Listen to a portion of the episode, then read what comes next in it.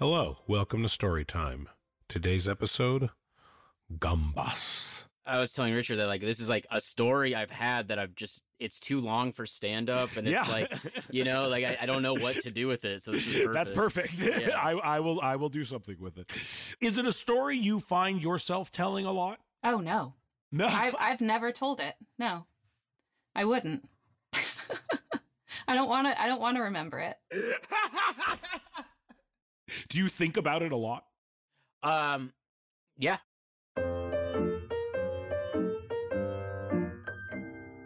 Joe Mande is a writer, actor, and stand-up comedian. Kylie and I met in college actually. Kylie Augustine saves puppies. I work at the ASPCA. That's amazing. She's been with me since I was doing open mics in Boston and so like she put her time in seeing like just the worst shit. Those early years being with a comedian is really uh, difficult because you are so committed and going out every night and you have to be like fully delusional. I wouldn't say I'm like a stand-up comedy fan. Where we pick up our story, they've been dating a little while. Our schedules are just so different and we really don't get a lot of time away. They deserved a vacation. They booked their tickets for 10 days in Spain. This vacation was very much like we don't see a lot of each other even though we live with each other. Let's like do this fun European experience where we're, we're around each other more than we've ever been. And, Finally, getting a yeah. great dose of one another. Yeah, exactly. Yeah. What could possibly go wrong?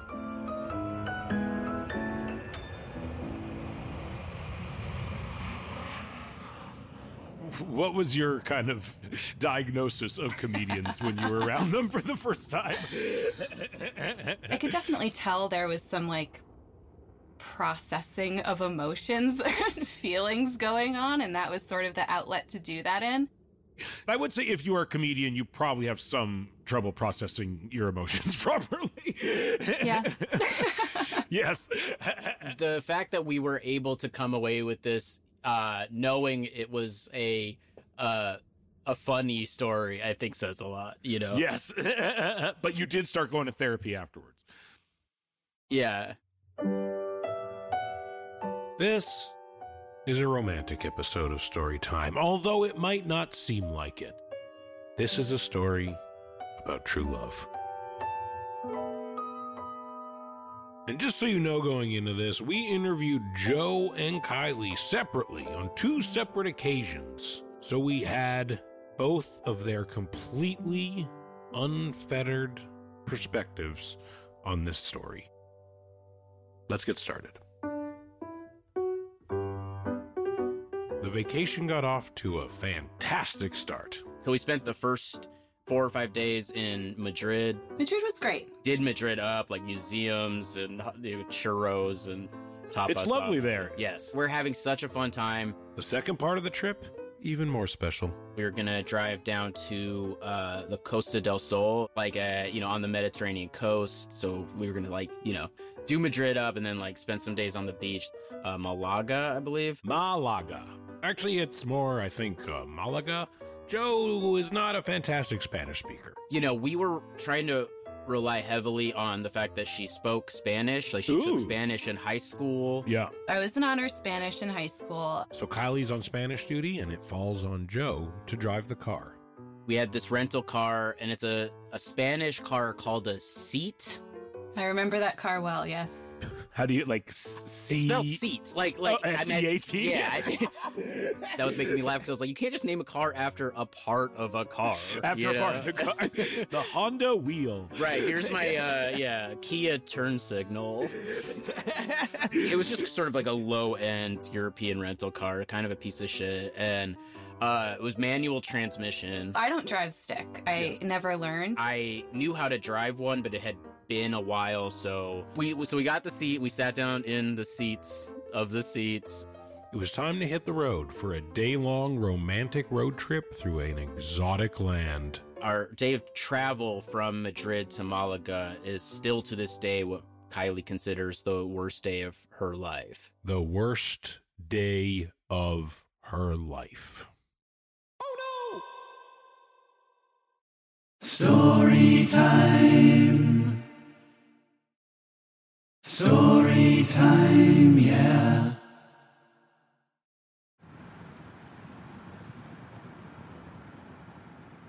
So from Madrid to Malaga, I believe it's like a five, maybe six hour drive, right?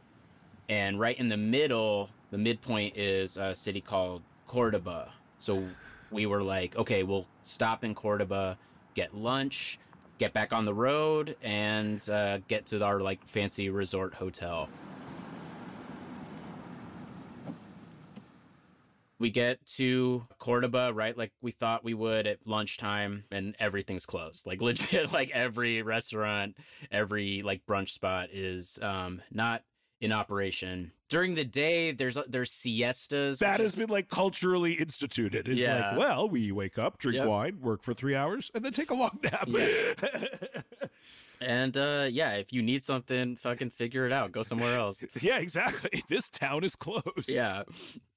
But that afternoon, Joe and Kylie were in luck. We finally found this restaurant that was open that had like two people at it. Sitting on a cobblestone street under one of those umbrellas. You know, the romance of Spain.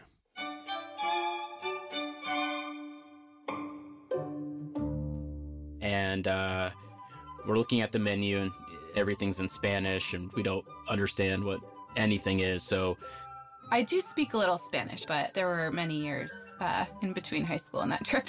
and it became very clear that she was out of practice and everyone in Spain speaks much faster than like high school. So like we really weren't speaking much Spanish to people and just like just a pure American tourist just expecting people to speak English. And it, it was working out fine in Madrid.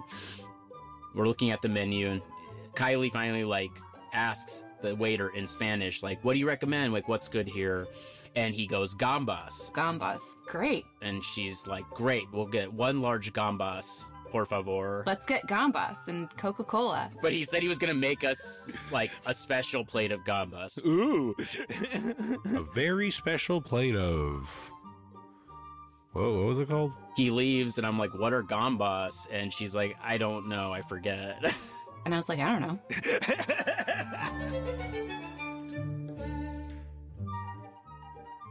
and then the gambas, a bit a, ste- a steaming plate of gambas arrived, and we learned that gambas are like prawns, like giant Like prawns. fully formed shrimp, just like legs, tentacles, shells. And we don't eat shrimp. At the time, we were like not shrimp eaters. And so we were like, holy shit, what do, what do we do? And uh, he lays them down. She's like, "Thank you so much. These look great." And as he walks away, she's like, "I'm not eating that." Perfect, great. I'm not, there's no way.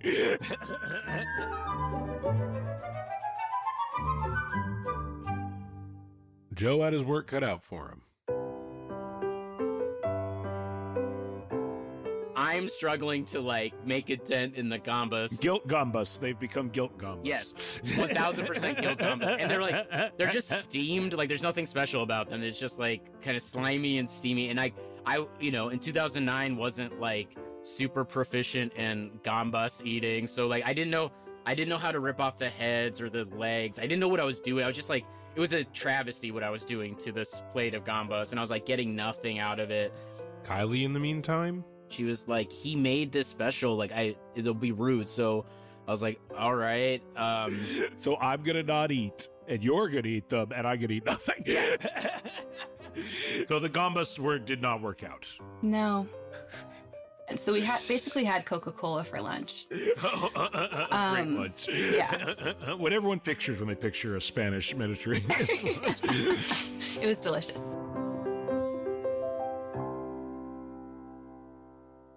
Joe choked down those little gambas, and it was time to hit the road. I'm just like, let's get to the beach hotel early. You know, we can sit on the beach for a couple hours and then treat ourselves to like a huge romantic non gambas dinner, right? And she's like, that sounds perfect. Let's do that. And I'm like, okay, but you know, if I'm gonna get back on the road, I need a coffee. Hopefully, we can find like a coffee place. So into the GPS thing, I type in coffee, and there's a place around the corner from where we are, like less than a kilometer away. There's a open coffee shop. Joe threw the seat into first and cruised on out of there. So at this point, he went, he took a turn, which we thought was going around the block to find parking. And that's when we entered the walled city. The walled ancient city of Cordoba. So we like enter like a medieval gate. And nothing was ever the same. No, Joe was sluggish from the gambas, a bad taste in his mouth. Knowing he had a long drive ahead of him, he wanted his coffee. But the long standing cultural traditions of Spain had other plans. And we get to where this coffee shop supposedly is. It's closed. And we're like, of course. Why would we expect this place to be open? Um, and I'm like, okay, I don't need coffee. Let's just get let's just get some Malicos. Get the fuck out of here. Joe threw the seat into reverse. Something wasn't right. This particular seat This particular seat really had a hard time really had a hard time going in reverse. going in reverse. he had so much trouble putting it in reverse. I didn't know how to say, maybe you should do it this way, maybe you should do it that way, but like, I sort of knew he was doing something wrong because going in reverse cannot be that hard. I would stall out every time. It was, you know, very annoying, but it was also like, well, you know, how many times we're going to go in reverse and in this seat, like whatever.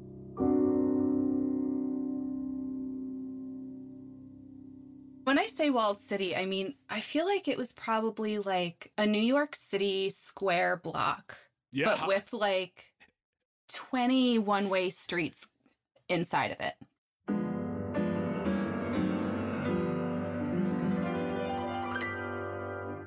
As we were trying to navigate through, we saw that like some streets were blocked off with like cones or whatever. yeah. We follow the GPS and it has us navigate these incredibly narrow, claustrophobic streets of this ancient walled city. And we're like, where are we? What did we do? And we get to this courtyard, We get to the other like medieval gate but it's a dead end. and it's blocked by like two giant like metal pillars. So Joe is like, well, shit, we're a dead end, you know? And so this is where the reverse comes in. You push down and then do something. So he's like jamming it down and like reversing was like very hard for him. In this particular seat, I try to like turn around and I have to go in reverse for that. The car stalls out. It's like fuck. And so we go like a different way. We like cut through the middle of the city back towards where we began, which is the other gate, but I had forgotten that that it's one-way traffic. You can only come in through there. We kept getting blocked. And then even if I wanted to do a psycho move and like drive the wrong way out of the city, that wasn't an option because in the 20 or so minutes we had been in the city, they had blocked that entrance for some kind of parade that was going to happen later in the day.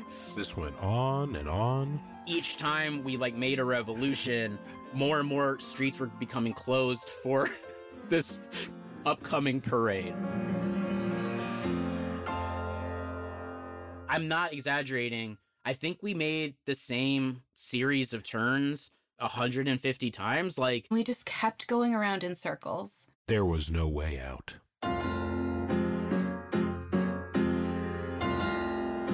I'm picturing this like I play when you play Pac-Man and the ghosts are just getting closer and you're Right. and you're you're, you're cornering yourself. yes, and it is that. And so, like, each time we end up back at that original locked gate, and each time we get there, and there are children playing soccer in the middle of the street in front of the metal pillars and we have to do you know a eight point turn to get back on the street which means i'm stalling out eight times every time i go in reverse the car stops and i have to like start the car over so every time that happening like the kids playing soccer stop and stare at us Were you good at driving this time? Like uh, in general, did you have a lot of I- experience? yes. Yes, that's what was frustrating was that like like it really was not fully my fault that it was stalling. It was just like this is a shitty car.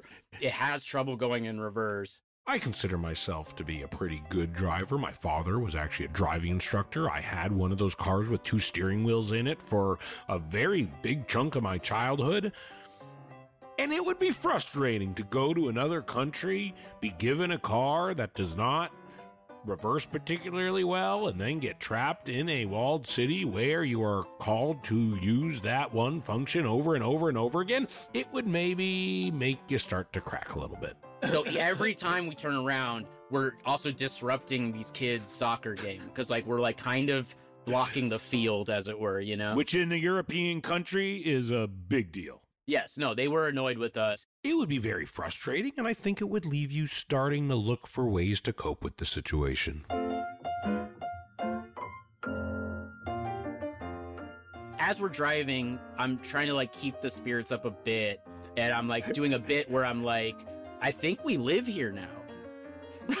like I think we like I think we can't leave. And I was like, there's worse places to Yeah. live. I mean, this is beautiful. What's Spanish for open house? You know that kind of thing. Like let's just like let's buy a place and um And during this time, Joe's uh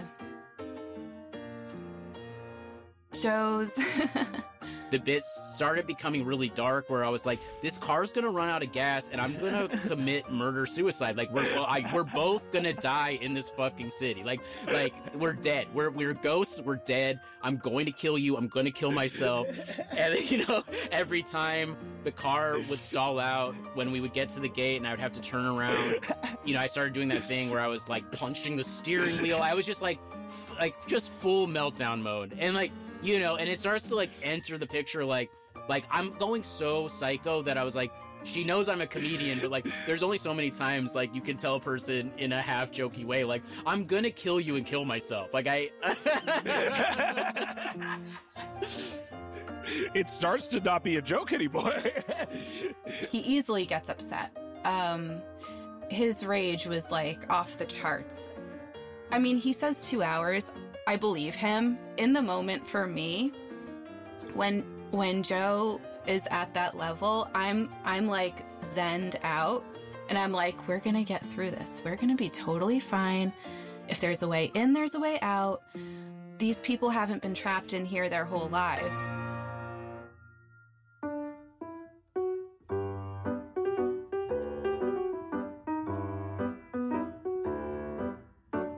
So we get we're at a point in the court courtyard again, and Joe's like, you know, flailing and screaming in the car. I can't quite remember what made me realize like, oh, I have to do something. Like I have to I have to ask someone right now. We have to get out of here. there may have been screaming. Um, there was a man who was walking past our car, so I just rolled down the window and asked him like, "Excuse me, where's the exit?" He got like four words in. And he was like, What? This man gets beat red And then he just started like yelling at the boys who were playing soccer. yelling at the kids playing soccer in Spa- and I'm like, what is he saying? She's like, I don't know. It's too fast. Like, but she's like, he's like, just like berating these children, like. And we were like, What's happening? and they stop their soccer game, and one kid goes up to a box and like lifts a thing and presses a button, There was like a pole in the street, and they pressed a button that was on the pole. and the metal poles go down into the ground. Are you kidding me? like they just like descend into the cobblestones, and they like part for us to like drive past them. Like on a normal day, seeing that would be like, Whoa, Spain's crazy, you know? Cool. But we were like, what just happened? And Joe started cracking up. So like for for two hours, they saw us turning around, and like none of them were like, "Oh, we should hit the button that the unmarked button that makes the metal poles." that everyone in town knows about that makes the metal poles go down. And like we get out of the city. So then I start. I I start cracking up. Like I have to pull over because I'm like cracking up, and then I'm like, why the fuck? How the fuck should we have known that there's a button that makes the poles go down? So I'm like cracking up. And I just start hysterically crying. I'm just like weeping. And he's laughing at he's like, Why are you crying? And I'm like, Well, I contained it for two hours and here it comes out. I was just like, you have to find some humor in what just happened. She was like, I don't. That was that was awful. You were really scary. I hated every minute of that. He's like, All right, well, should we look for coffee? And I'm like, No. Get me the fuck out of here.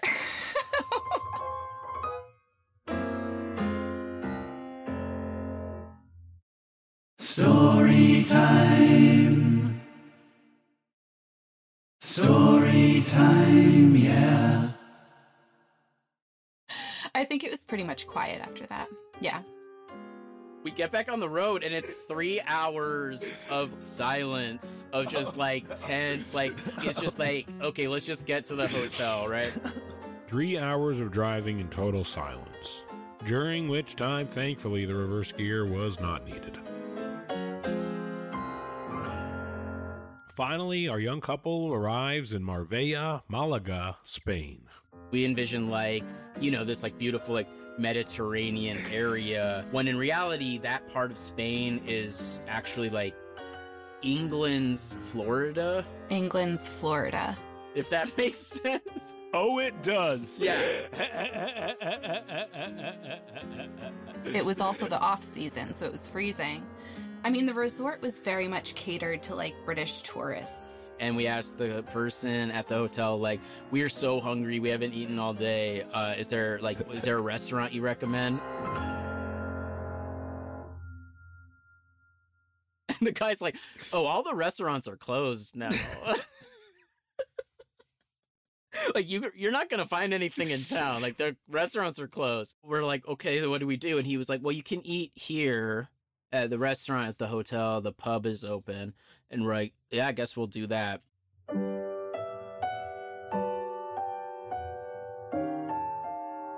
we go down to the restaurant in the hotel and there's a Manchester United game on and we're just like in a shitty elderly British soccer hooligan bar, right? A perfect beach resort. Yeah. exactly what you picture when you picture a beautiful Mediterranean beach There's resort. literally just like TVs on and like framed soccer jerseys and shit. It's just like, oh, fuck. So we order spaghetti with red sauce because that's like the only thing that. when in Spain, Right. When- when- right and then we like order like two pints of beer or whatever and we're just like and she's just like so miserable and the food comes And it straight up tastes like chicken soup. it tastes like chicken soup And I can't understand why. And it's like, again, I'm on the verge of tears. I'm like, this just can't, this can't get any worse.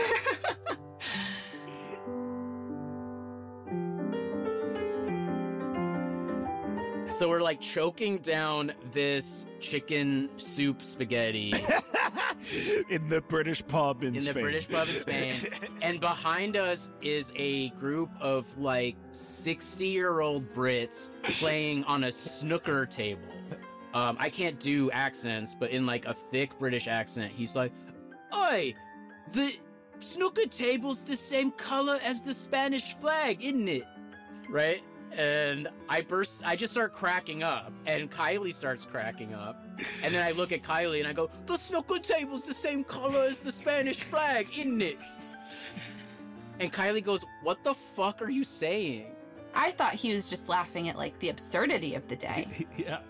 And he's like, wait, what are you laughing at? And I was like, I'm just sad.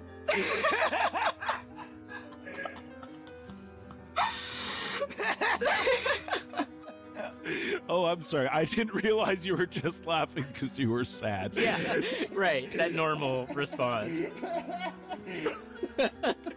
so then we just like go back to kind of like eating in silence and the, the food is like so terrible that i go to the table over and i grab the like salt shaker and i start pouring salt on the pasta And then she looks at me and she goes, What are you doing? And I was like, I'm putting salt on it. And she goes, Does salt make it better?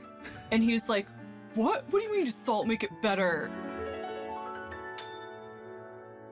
And I was like, Have you never had salt before? and she takes it and starts pouring salt on her pasta as eats it. And she's like, Yeah, it does kind of taste better. So anyway, in my my version of the story, I consider this to be the story of Kylie learning how salt works. I learned about salt that day. what did you think it did? Just made things saltier? Yeah, exactly. Uh, yeah, I get why you would think that, honestly. Yeah.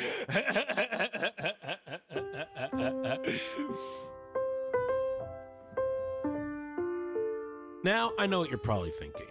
Fuck you, Seth. You said this was a romantic episode of Storytime, and what I just heard was a couple that could not sound less like they are in sync, that do not sound like they are on the same page. How dare you imply that that is romance? You're a piece of shit. Well, I got news for you. I'm not a piece of shit.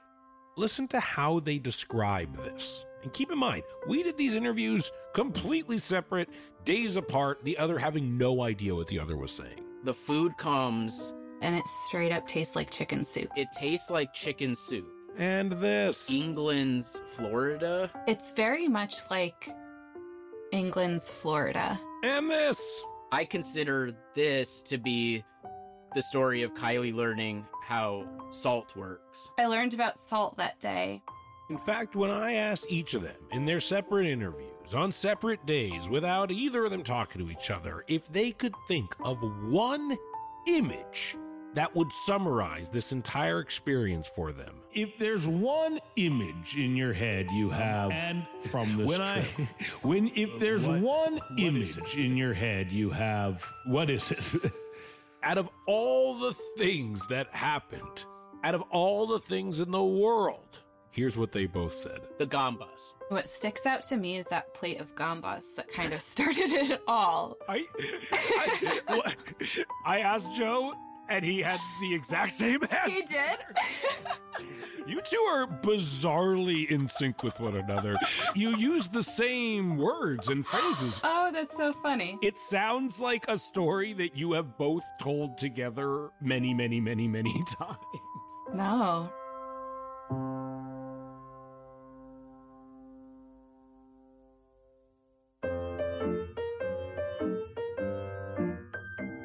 Storytime with Seth Rogen is an Earwolf production, produced, edited, and sound designed by Richard Parks III. Our executive producer is Frida Perez. Additional production by Josh Richmond, Renee Colvert, Jared O'Connell, Marcus Halm, and Marina Pais, with special thanks to Amelia Chapello.